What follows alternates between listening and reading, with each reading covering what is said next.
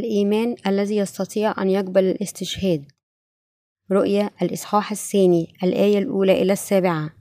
إن كلمة استشهاد لمعظمنا هي كلمة غير مألوفة وهي غير مألوفة أكثر لأولئك الذين نشأوا في بيئة غير مسيحية. بالتأكيد إن الكلمة استشهاد ليست كلمة نصادفها كثيرا في حياتنا اليومية. نحن نشعر بأننا مفصولون وبعيدون عن الكلمة. إنه أمر سريالي تماما لنا أن نتخيل استشهادنا الحقيقي. وعلى الرغم من هذا فإن الإصحاحات الثاني والثالث من سفر الرؤيا تناقش هذا الاستشهاد. ومن كلماتها نحن يجب أن نؤسس إيمان الاستشهاد في قلوبنا الذي هو الإيمان الذي به نحن يمكن أن نستشهد. كلمة أباطرة الرومان كان أباطرة الرومان هم الحكام المطلقين لشعبهم في الإمبراطورية. وبامتلاكهم السلطة المطلقة في نطاق حكمهم كان يمكنهم أن يفعلوا أي شيء ترغب فيه قلوبهم. بعدما دخلت وفازت الإمبراطورية الرومانية في العديد من الحروب أخضعت أمم غير معدودة تحت حكمها واختيت بالجزية التي تدفعها الأمم المهزومة ولعدم خسارتها حربا واحدة كبرت روما من أمة الصغيرة لتصبح واحدة من الإمبراطوريات الأعظم في العالم.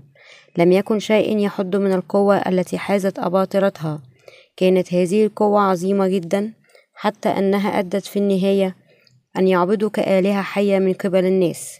كان شائعا على سبيل المثال للأباطرة أن يقيموا تماثيل على صورتهم وأن يجعلوا الناس يسجدون لها. بالنسبة للأباطرة الذين قد أعلنوا أنفسهم آلهة كان انتشار المؤمنين بيسوع لا يمكن أن يكون إلا تهديدا خطيرا لقوتهم المطلقة. مانعين تجمع المسيحيين. لجأوا إلى السياسات الظالمة لاضطهاد المؤمنين الاعتقال السجن وصولا إلى إعدامهم بسبب إيمانهم. وعلى أساس هذه الخلفية التاريخية أن المسيحيين الأوائل ذهبوا تحت الأرض إلى أماكن مثل السراديب ليهربوا من الاضطهاد. وهذا الاضطهاد هو الذي وضع الأساس لهم أن يقبلوا الاستشهاد ليدافعوا عن إيمانهم المستقيم.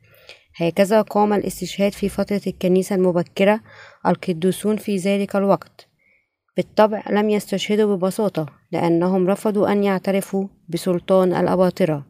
اعترفوا بسلطانهم الدنيوي لكنهم لم يعودوا يقبلون تلك السلطة عندما أجبرتهم أن يعبدوا إنسانا كالله وأن يتركوا يسوع من قلوبهم. حتى في مقابل حياتهم ثمنا لهذا. الأباطرة الرومان أمروا المسيحيون أن ينكروا يسوع وأن يعبدوهم وليس فقط كأباطرة ولكن كآلهة عاجزين وممتنعين أن يستسلموا أمام مثل هذه الأوامر.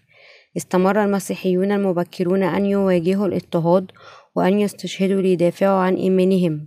حتى أعطاهم مرسوم ميلان في 313 ميلادية أخيرا الحرية الدينية.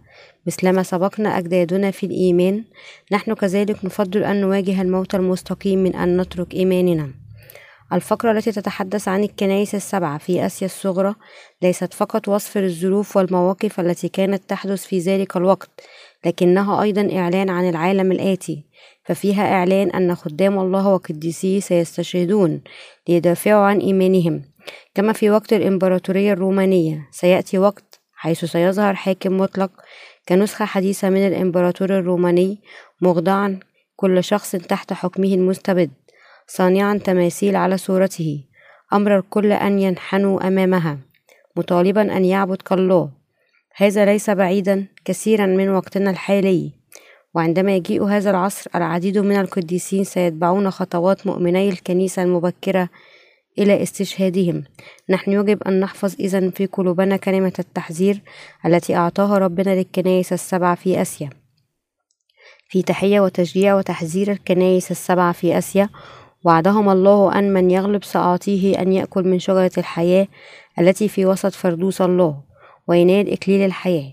المن المخفي ليأكل كوكب الصبح. وأكثر إنه وعد الله المخلص إلى أولئك الذين يغلبون خلال استشهادهم. أنه سيعطيهم كل بركات السماء السرمدية. كيف إذن يمكن لقديسون الكنيسة المبكرة أن يواجهوا استشهادهم؟ الشيء الأول الذي نحن يجب أن نتذكره هو أن الذي استطاعوا أن يستشهدوا هم خدام الله وقديسيه. ليس كل شخص يمكن أن يستشهد فقد أولئك الذين يؤمنون بيسوع كمخلصهم ولم يستسلموا للاضطهاد ويتمسكون بإيمانهم. يؤمنون بالرب يمكن أن يواجهوا الاستشهاد. يوحنا الرسول الذي نراه هنا يوبخ كنيسة أفسس في منفاه في جزيرة بطمس. كان آخر الأحياء بين الاثنى عشر تلميذا ليسوع. كل التلاميذ الآخرين كانوا قد استشهدوا وقتئذ كما استشهد قديسون آخرون من منطلق تاريخي. قديسون الكنائس السبعة في آسيا كانوا قلة بين المسيحيين. الغير معدودين الذين قد استشهدوا حتى ثلاثمائة وثلاثة عشر ميلادية. هاربين من اضطهاد السلطات الرومانية ذهبوا تحت الأرض حرفيا وحفروا كهوفا ليهربوا من متناولهم. أقاموا في المقابر حتى الأرض تحت الأرض التي عرفت باسم سراديب الموتى للعبادة. خلال كل هذا لم يخونوا إيمانهم وقبلوا استشهادهم.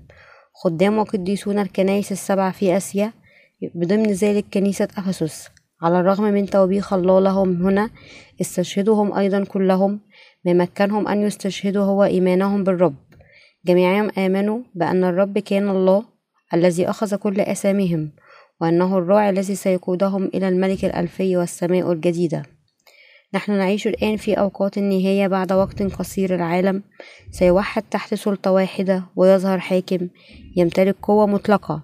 هذا الحاكم المطلق كما هو مسجل في رؤيا الإصحاح الثالث عشر سيهدد حياة القديسين ويأمرهم أن يتركوا إيمانهم. لكننا نحن قديسون نهاية الزمان. سنكون قادرين على نتغلب على تهديداته وإجباره وندافع عن إيماننا. خلال استشهادنا لأننا نحن عندنا نفس إيمان قديسي الكنيسة المبكرة. في الآيات الرابعة والخامسة وبخ الله كنيسة أفسس قائلا لكن عندي عليك أنك تركت محبتك الأولى فاذكر من أين سقطت وتبت وتب واعمل الأعمال الأولى. وإلا فإني آتيك عن قريب وأزحزح منارتك من مكانها إن لم تتب. ماذا يعني هذا؟ يعني أن كنيسة أفسس تركت إنجيل الماء والروح. كل قديسين الكنيسة المبكرة بضمن ذلك قديسين كنيسة أفسس آمنوا بإنجيل الماء والروح. هذا كان لأن تلاميذ يسوع انتشروا وبشروا بإنجيل الماء والروح.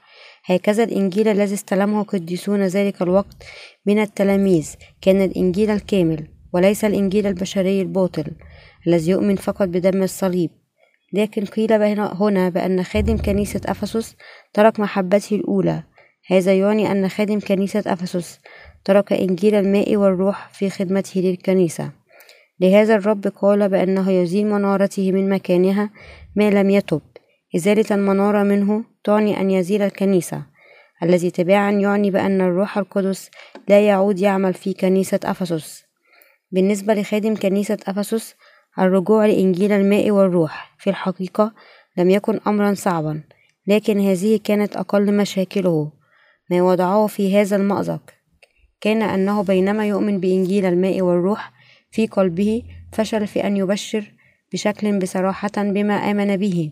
وقبل في كنيسته كل أولئك الذين اعترفوا بيسوع بشكل مجرد كمنقذهم حتى إذا لم يؤمنوا بإنجيل الماء والروح بينما في الحقيقة أن يعترفوا بإيمانهم بإنجيل الماء والروح. كان يعني بالنسبة للمؤمنين أن يستعدوا للاستشهاد. وهكذا بكلمات أخرى رحب بكل أولئك الذين جاءوا لكنيسته بغض النظر عما إذا كان عندهم نفس الإيمان في الله وإنجيل الماء والروح أم لا؟ لأن دخول كنيسة الله يتطلب الكثير من التضحية ولأن خادم كنيسة أفسس كان خائفا بهذه التضحيات. ستمنع الكثيرين من الالتحاق بالكنيسة فشل في أن يبشر بالحقيقة المطلقة بتعبيرات دقيقة. لكن لأن الروح القدس لا يمكن أن يسكن حيث لا توجد حقيقة قال الله بأنه سيزيل المنارة. هذا ليس بسبب نقص أعمال الخادم والقديسين في كنيسة أفسس أن الله قال أنه سيزيل الكنيسة بل بالأحرى قصد بأنه لا يمكنه أن يسكن بعد في الكنيسة لأن الحق لم يعد يوجد فيها. إنه متطلب لا غنى عنه أن كنيسة الله تتبع إنجيل الماء والروح. الخدام والقديسون الله لا يجب أن يؤمنوا فقط بهذا الإنجيل لكن أن يعلموه بتعابير دقيقة ومطلقة. لأنه فقط في هذا الإنجيل يمكن أن نجد حب الله ونعمته وكل بركاته لنا. بدلا من التبشير بهذا الإنجيل خادم كنيسة أفسس قبل في كنيسته أولئك الذين آمنوا بدم الصليب. لكن بالنسبة حتى إلى الخادم أو القديس أو الكنيسة المولودين ثانيا الإيمان مع عدم التبشير بإنجيل الماء والروح الذي قد أخذ كل أثامنا بمعمودية يسوع ودمه على الصليب يجعل كل أعمال ربنا بدون فائدة. ومع ذلك نحن لربما نقصر أمام الرب إذا آمنا بهذا الإنجيل وبشرنا به. الرب يمكن أن يسكن ويعمل فينا في شكل الروح القدس حتى إذا كان خدام الله أو القديسون مملوئين بالعيوب. الرب يستطيع أن يعلمهم ويقودهم خلال كلمته. لا توجد هناك قدسية لخدام الله أو القديسون إذا لم يعودوا يبشرون بإنجيل الماء والروح. ربما يستطيعون أن يقولوا بأنهم لم تعد عندهم خطية لكن القداسة لا يمكن أن توجد حيث لا يبشر بإنجيل الماء والروح. إن إنجيل الماء والروح هذا هو الإنجيل الذي آمن به قديسون الكنيسة المبكرة. الإنجيل الذي يقول بأن الرب جاء لهذه الأرض لينقذ البشرية ويأخذ كل أسامي العالم بمعموديته ويمحوها بموته على الصليب. أخذ كل ضعفنا وعيوبنا بمعموديته. أخذ الله كل أسامنا. من ضعفنا وعيوبنا وأصبح راعينا للسرمدي بعدما يبارك الشخص بغنى فائض هكذا كيف يمكن لأي أحد أن يبدل الرب بالإمبراطور الروماني؟ ويعبد إنسان فاني كإلهه أو إلهها لأن نعمة الله كانت عظيمة ووفيرة جدا. لا مغريات ولا تهديدات الإمبراطور الروماني استطاعت أن تجعل القديسون ينكروا حبه وهم قبلوا الاستشهاد عن طيب خاطر ومسرور ليدافعوا عن إيمانهم. هزموا كل التهديدات التي أرادت أن تجبرهم أن يتركوا إيمانهم ومحاولات ترقيتهم في المناصب العامة لكي يغروهم أن يتركوا إيمانهم لفوائد مادية. لا شيء استطاع أن يجعلهم يتركون إيمانهم أو يتركوا إلههم وهذا الخلاص الذي لا يموت هو ما مكنهم أن يستشهدوا. قلوب الشهداء مملوءة بالشكر لنعمة وحب الله اللذان خلصاهما من أسامهم خلال إنجيل الماء والروح.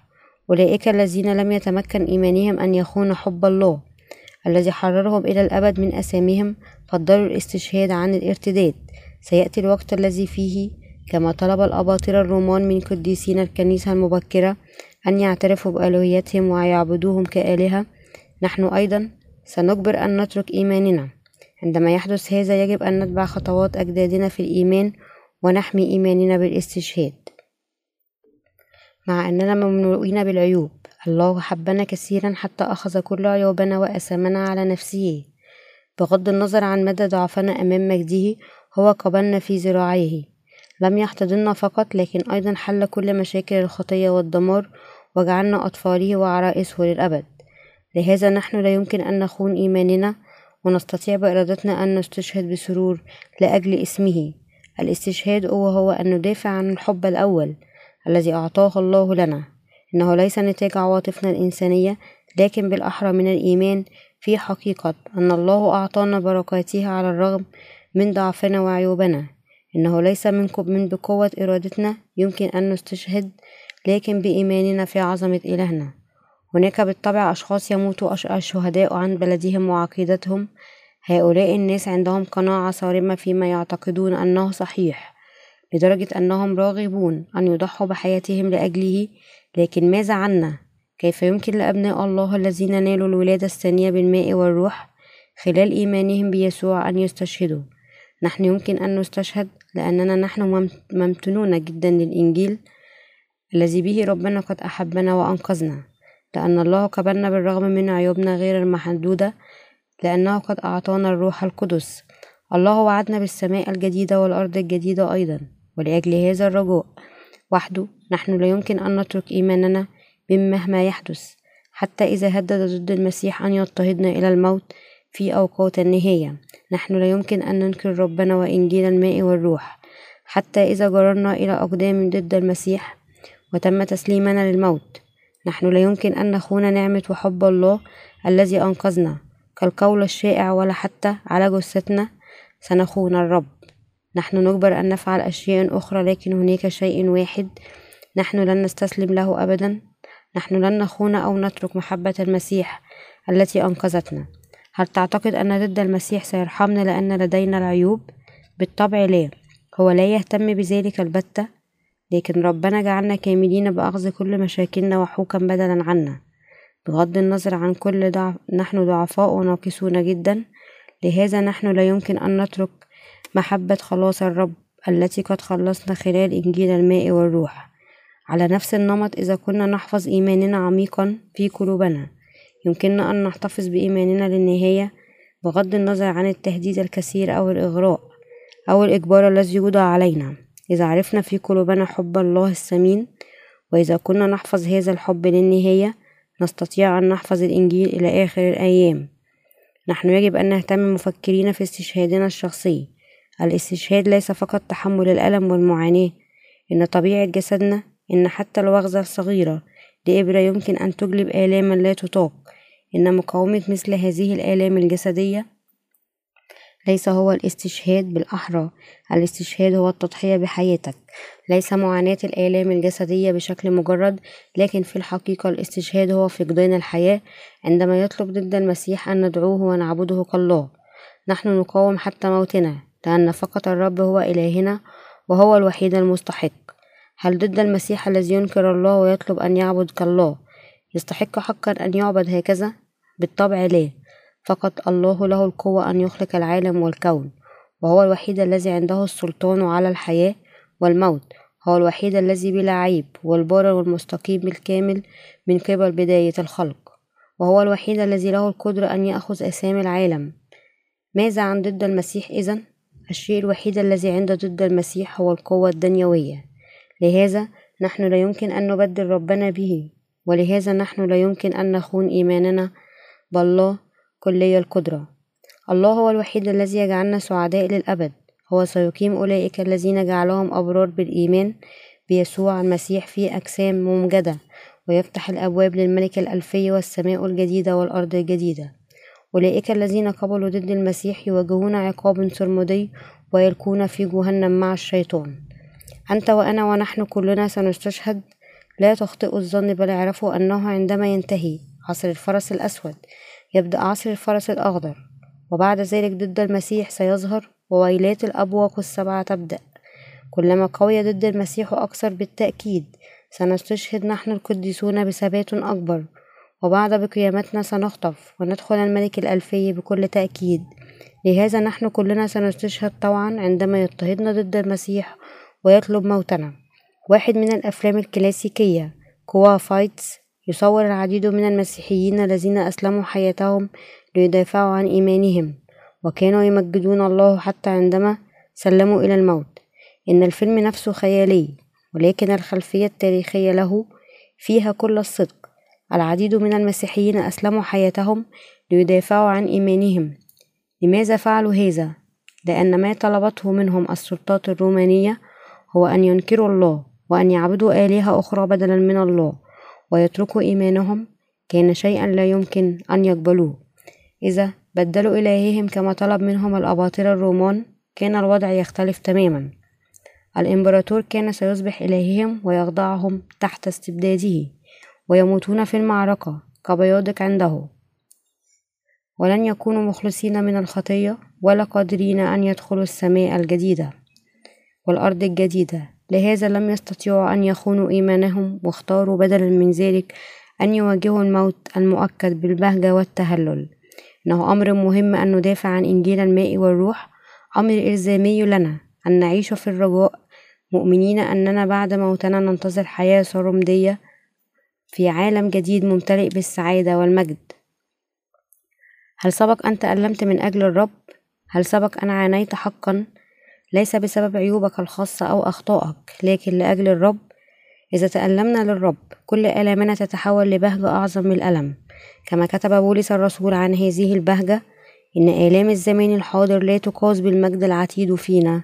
رمي الإصحاح الثامن الآية الثامنة عشر. لأن بهجة المجد التي ستعلن فينا أعظم من آلامنا من أجل الرب. كل آلامنا الحاضرة تدفن تحت البهجة والسعادة العظيمة النابعة من إيماننا. بكلمات أخرى القديسون وشهداء الكنيسة المبكرة استطاعوا أن يتغلبوا على آلامهم ويسلموا حياتهم للرب لأنهم عرفوا بأن البهجة التي تنتظرهم كانت أعظم بكثير من آلامهم الوشيك.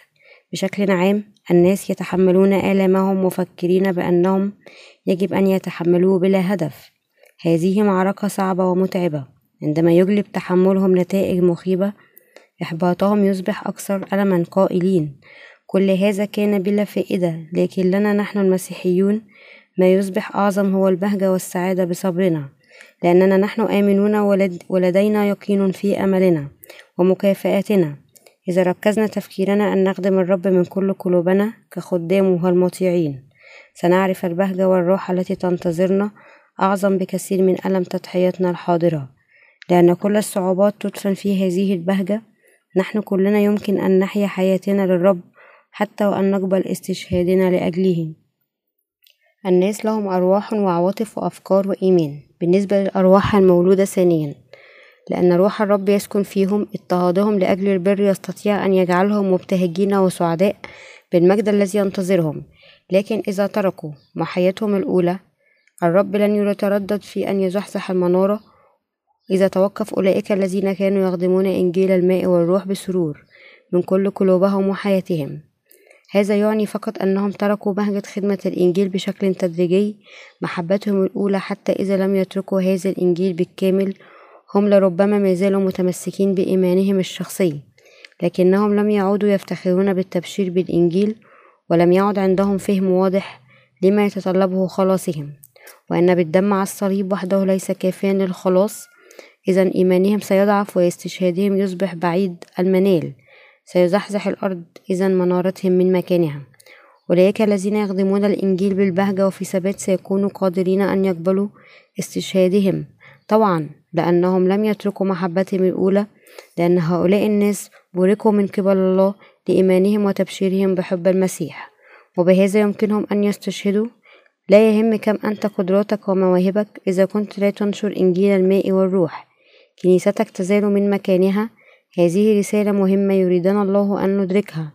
إذا كنا ندرك ونؤمن بهذه الحقيقة يمكننا أن نجدد قلوبنا في أوقات النهاية ونكون قادرين أن نستشهد لاسم الرب.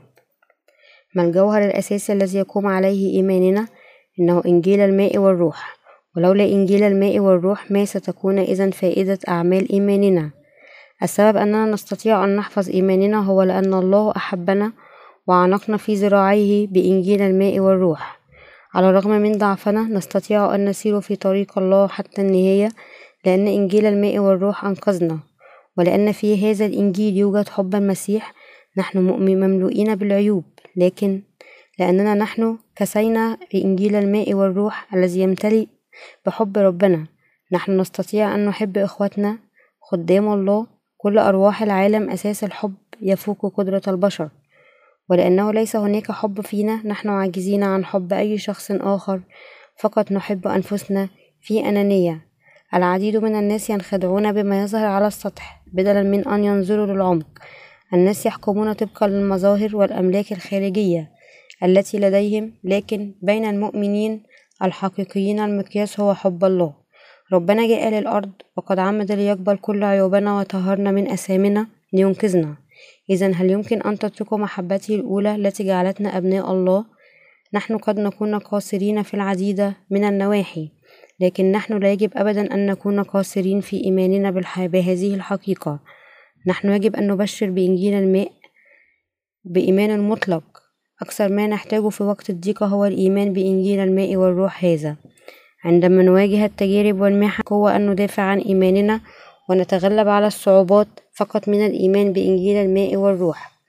أحيانا يكون الناس عرضة للسقوط في فخ المنافقين فيعتقدون أن الله باركهم بسبب أعمالهم أنا لا أقترح بالطبع أن هذا خطأ بالكامل لأن الرب قال بأنه يحب أولئك الذين يحبوه لكن ليس بسبب أفعالنا أن الله قد أحبنا كثيرا حتى جعلنا أبرارا لأن الله يعرف كل الوعود التي قطعها لنا ولأنه يعرف كل أثامنا هو في كماله فأحبنا وعانقنا وجعلنا كلنا أبنائه.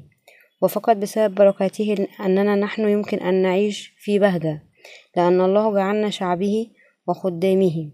أين وجد النساء اللاتي استشهدن في فيلم قوى فاديس القوة أن يسبحوا الرب عند استشهادهم؟ وجدوا القوة في حب ربنا لأن حب السيد المسيح كان عظيما جدا استطاعوا أن يقبلوا الاستشهاد بالتهليل. نفس المبدأ ينطبق على حياتنا نعيشه لأن الرب قد مكننا أن نفعل هذا. ليس بسبب أعمالنا أننا نعيش كأبناء وخدام الله نحن لم نفعل شيئا لنستحق هذا بل بحب الله الثابت والتام وإيماننا في هذا الحب أننا نستطيع أن نتبعه إلى النهاية.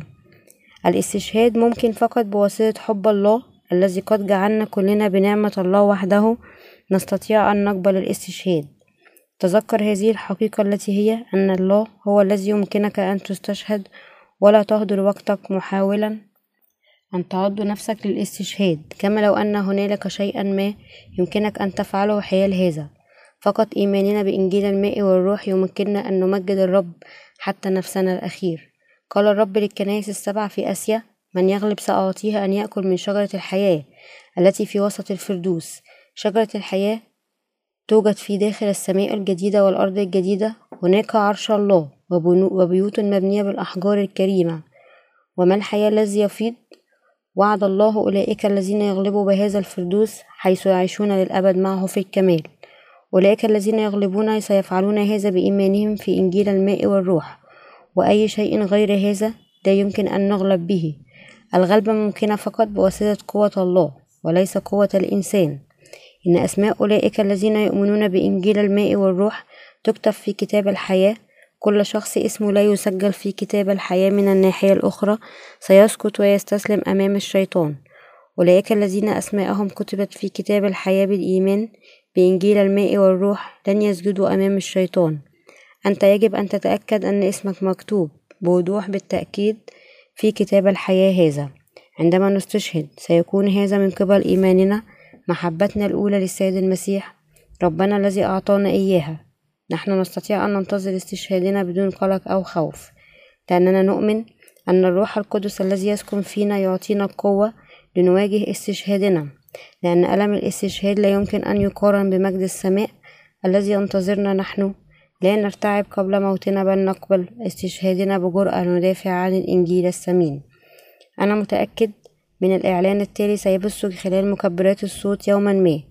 عزيزي المواطن هذه اليوم الأخير لتستسلم لتستلم العلامة فقط بضعة مواطنون لم يستلموا العلامة إلى اليوم.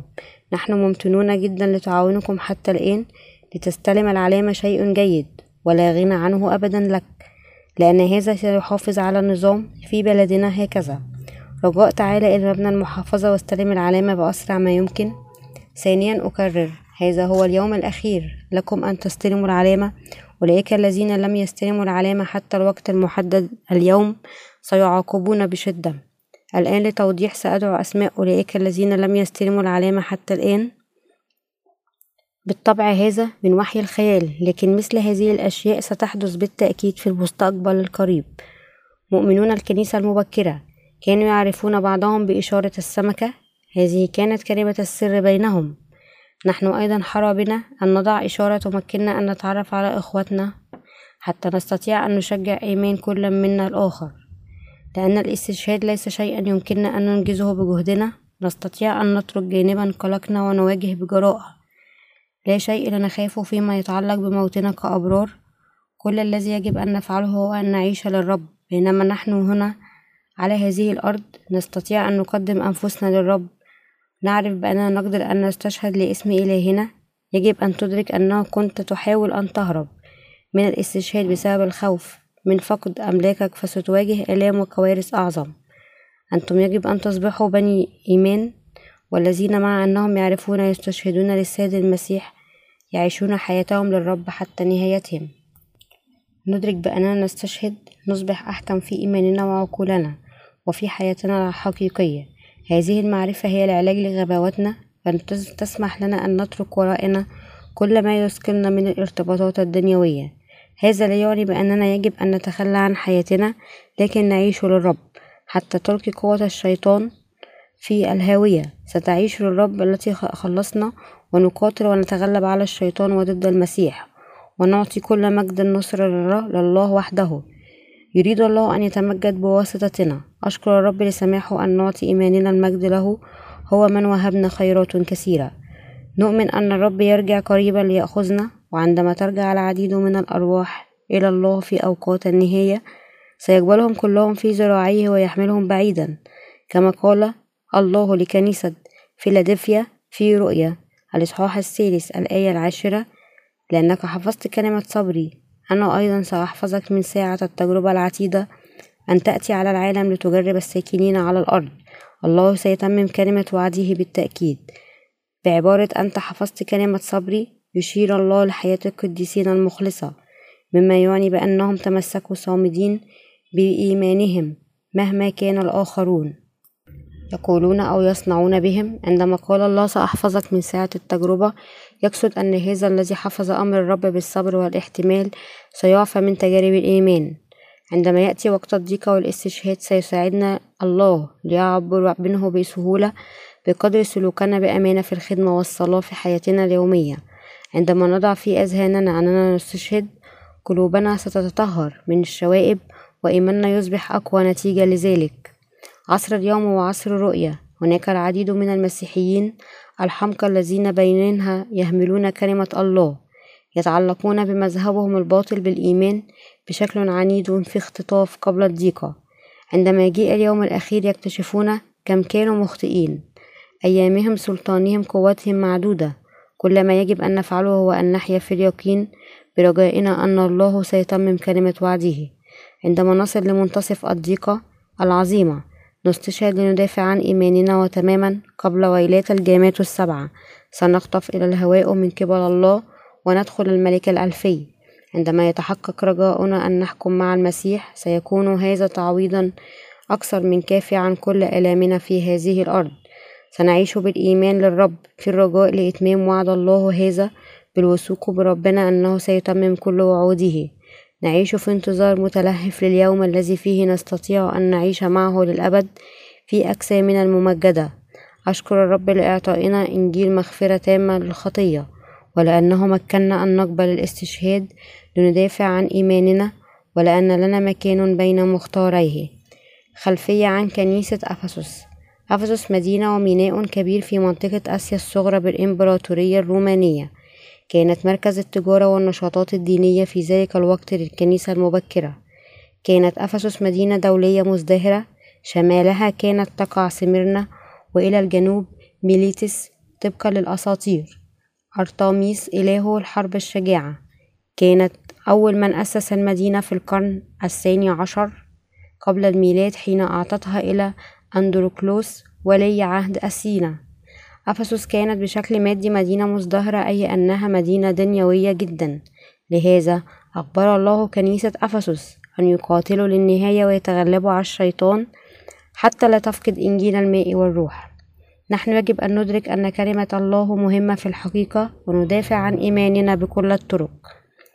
كتب الله من خلال يوحنا الرسول لكنيسة أفسس هذا يقوله الممسك السبع كواكب.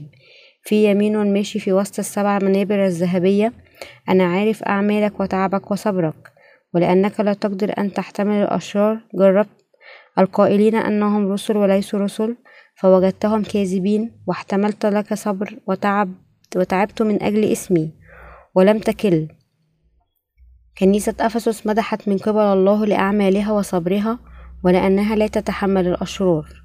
ولإختبارها كشفها الرسل الكذبة والعمل لأجل الله بل بلا كلل بالمثابرة وصبر. لكن أفسس قد وبخت أيضا لخطاياها كما يتضح من الفقرة لكن عندي عليك أنك تركت محبتك الأولى فاذكر من أين سقطت وتب. واعمل الأعمال الأولى وإلا فإني أتيك عن قريب وأزحزح منارتك من مكانها إن لم تتب. ولكن عندك هذا أنك تبغض أعمال النيكولاويين التي أبغضها أنا أيضا. من له أذن فليسمع ما يقوله الروح للكنايس من يغلب فسأعطيه أن يأكل من شجرة الحياة التي في وسط فردوس الله. تقول الفقرة السابقة أن الله يكره النيكولاويين يشيرون هنا لمجموعة من المؤمنين الذين وقفوا ضد الله وكنيسته وحقوا ما فعله النيكولاويين تماما. نراه بتوسع في مفصل في الفقرة اللاحقة في الرسالة إلى كنيسة برغامس خطايا النيكولاويين رؤيا الإصحاح الثاني الآية الرابعة عشر تقول لكن عندي عليك قليل أن عندك هناك قوما متمسكين بتعليم بالعام الذي كان يعلم بالاق أن يلقى معصرة أمام بني إسرائيل أن يأكلوا ما ذبح للأوثان ويزنوا. الشخص المذكور في هذه الفقرة موجود في الإصحاح الثاني والعشرون من سفر العدد حيث قصة بالاق ملك مؤاب. في الوقت الذي وصل فيه الإسرائيليون سهول مؤاب في كنعان بعد خروجهم من مصر. كانوا هزموا القبائل السبع التي كانت تسكن تلك الأرض. كسور يعلق عشب الحقل وحينما سمع عن هذه الانتصارات أصبح بالاق مرعوبا من إلههم. خاف أن يكون مصير المؤابين مثل القبائل المهزمة من أرض كنعان وفي محاولة أن يبتكر طريقة ليمنع الإسرائيليين من غزوهم.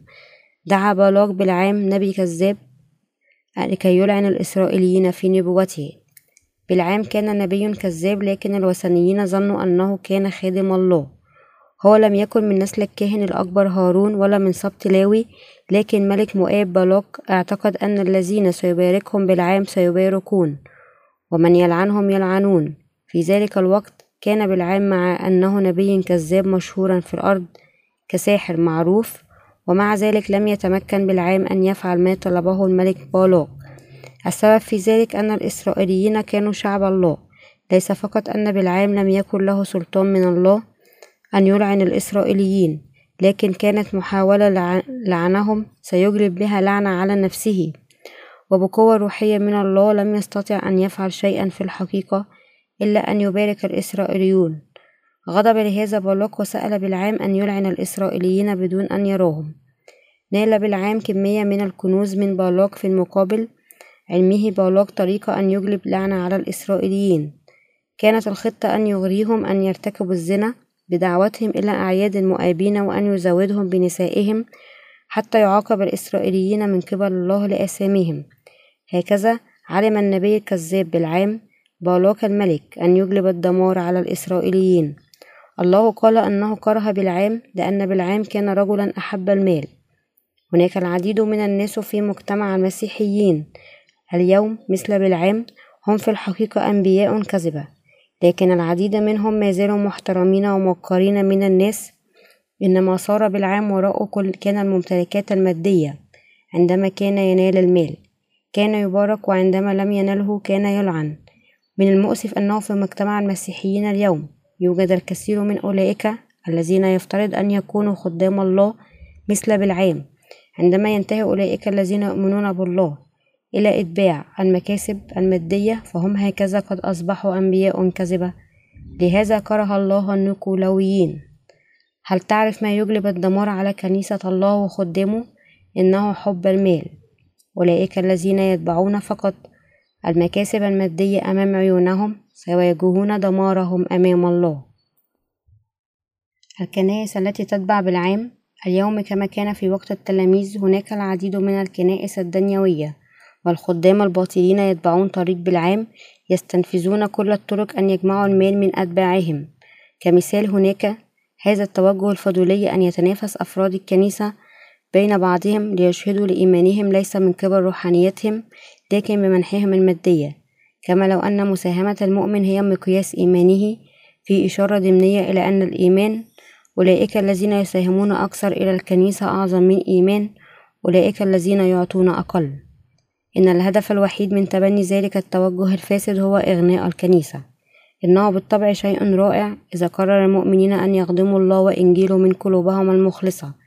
لكن الأنبياء الباطلين مثل بالعام يتخذون على المؤمنين كفرائس لملء بطونهم يحرضون أتباعهم على التنافس في الشهادات المادية مثل قدمت العشور بأمانة والله باركني بعشرة أضعاف في عملي مخدوعين من قبل أمثال بالعام.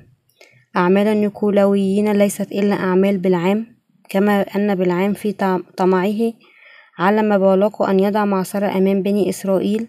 كذلك العديد من الناس ادعوا أنهم خدام الله في مجتمع المسيحيين.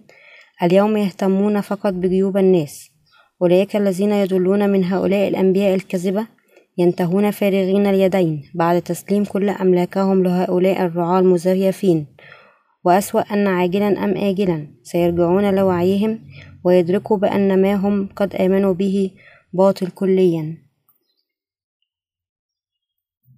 ثم يلقون اللوم على تلك الكنيسة المزيفة وينتهون بترك إيمانهم. وللأسف هذا الوضع الحزين للأمور.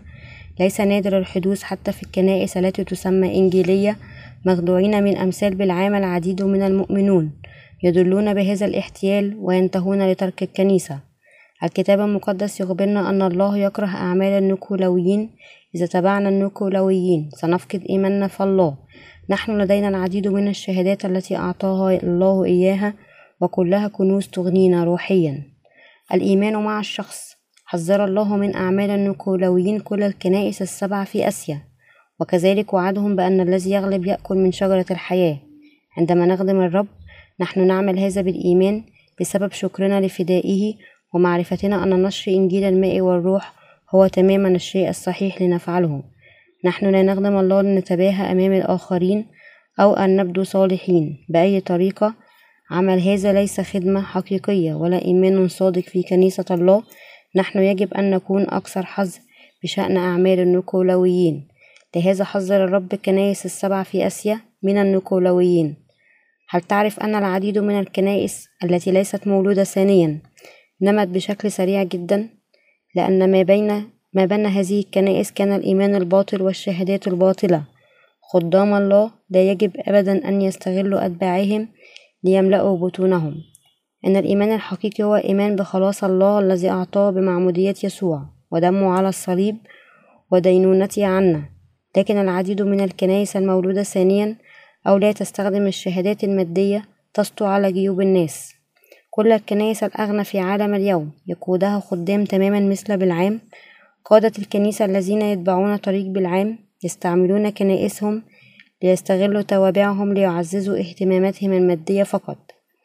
الزعماء المسيحيون يبتزون المال خلسة كبالعام من توابعهم بتحريضهم على التنافس في الشهادات المادية. أنا أمقت أعمالهم حتى إلى النخاع. حياة الإيمان لا تبدأ إلا من الإيمان. يجب أن نكون حكماء كفاية لنتجنب فخاخ النيكولاويين التي نصبها الشيطان. كل شخص يجب أن يعرف ما هي أعمال النيكولاويين وأن يخضع من قبل خدام الشيطان الذين لا يعرف طمعهم حدود. خدام الله تحديدا يجب أن يكونوا حذرين بهذا الخصوص. هذا يتضمن الخدام عندما يصبح مهتمين بشكل زائد بأملاكهم المادية ما هي سياراتهم كم كبيرة منازلهم كم عندهم من عقارات. كما النقود في حسابهم المصرفي سينتهون لتخريب كنائسهم سائرين في طريق النيكولاويين قال الله للكنائس السبع في آسيا أن ينتبهوا تحديدا لهذه المشكلة. إن رجلا بإيمان بالعام يطلب فقط المكاسب المادية والمجد الذاتي وينوي في النهاية أن يصبح مؤسس طائفة. كنيسة الله لا يجب أن تسعى للممتلكات المادية في حد ذاتها. كما وعدنا الله سيبارك أولئك الذين يتبعون إنجيل الماء والروح. يجب أن نستعمل ممتلكاتنا لنبشر بالإنجيل لا أن نجمعها ونخزنها. أرفض الرعاة الكذبة حتى المؤمنون المولودين ثانيا سيهلكون إذا وقعوا في فخاخ النيكولاويين. في البداية ربما يعتقدون أن إيمان مثل هؤلاء الزعماء رائع لكن مكر الرعاة الكذبة سيقودهم إلى دمارهم. قال الله لملاك كنيسة أفسس الذي كره أعمال النيكولاويين كل شخص وقع في فخ النيكولاويين يواجه المهلاك المؤكد سواء كان مؤمن مولودا ثانيا أو خادما لله. أو أي شخص آخر. الهلاك هو حقيقة حتمية عندما نقع في فخاخ النيكولاويين كراع سيء. يقود القطيع على الموت. الأنبياء الكذبة يجلبون علينا اللعنات. لهذا قال الله لخدامه ارعى غنمي. خدام الله يجب أن يرعوا المؤمنين كرعاة يرعون حملانهم. يحموهم من الخطر ويعتنوا بحاجاتهم. وكرعاهم يجب أن يتأكدوا بأن قطيعهم لا يضل ويكتشفوا ما الأخطار التي ربما تترصد أمامهم يمنعوهم من الاقتراب سمعت من الناس الذين يرعون الغنم بالفعل أن الغنم من الحيوانات عنادا ألسنا تماما مثل هذا الغنم العنيد أمام الله؟ الله كان عنده سبب جيد حينما استعمل استعارة الحملان ليصفنا لأنه يعرف جيدا فقط كم نحن عنيدين في جوهرنا الأساسي لماذا يتكلم الله مرارا وتكرارا عن أعمال النيكولاويين وإيزابيل وبالعام للكنائس السبع في آسيا؟ لماذا وعد أن يغلب من سيعطيه أن يأكل من شجرة الحياة؟ فعل هذا ليعلمنا أن نكون على أئبة الاستعداد ضد مكر الأنبياء الباطلين. نحن يجب أن نتأمل في كلمة الله ونسأل أنفسنا ما هو الإنجيل الحقيقي للماء والروح. خلط كلمة الله ببعض الدروس الإنسانية بشكل عقلاني لا يعني أن هذا هو الإنجيل.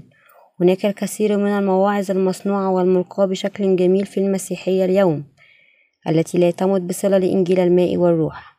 العديد من الوعاظ المشهورين يستخدمون حتى خطب أعدها محترفون يكتبون العظات لهم.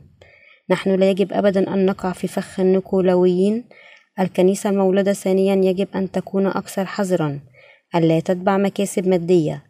الخدام بالأخص يجب أن يكونوا كالرعاة كذلك بقية الناس في الكنيسة. محاولة انتزاع المال من أعضاء الكنيسة لتزيين الكنيسة بالتبذير المادي وبناية سروح كنيسة تبدو مثل القصور أكثر منها كمكان للعبادة مع أنهم في نفس الوقت يقولون إن مجيء الرب على الأبواب. كلها أعمال الإيمان الباطل بالضبط كأعمال النيكولاويين نحن يجب أن ننتبه خصوصا للرعاة الباطلين ويجب أن نتأكد ألا نخدع لنتبع إيمانهم. القديسون ببساطة لا يجب أن يحبوا المال ما يجب أن نحبه هو إنجيل الماء والروح. محبة الله الأولى. يجب أن نعيش حياتنا المخلصة متمسكين بحقيقة أن الله خلصنا بماء المسيح ودمه حتى يوم نقابله. نحن يجب أن نؤمن بكلمة الله أن يسوع أخذ أسامنا بمعموديته وموته على الصليب. أولئك الذين يتبعون النيكولاويين لا يبشرون بإنجيل الماء والروح هم لا يهتمون بأعمال إنجيل الماء والروح لكن يجمع بجمع المال. هذا هو بالعام اليوم الذي وضع عقبة أمام الإسرائيليين وقادهم لهلاكهم. عليك أن تتذكر هذا. بالعام قد قتل في النهاية على يد يشوع كما هو مكتوب في سفر يشوع.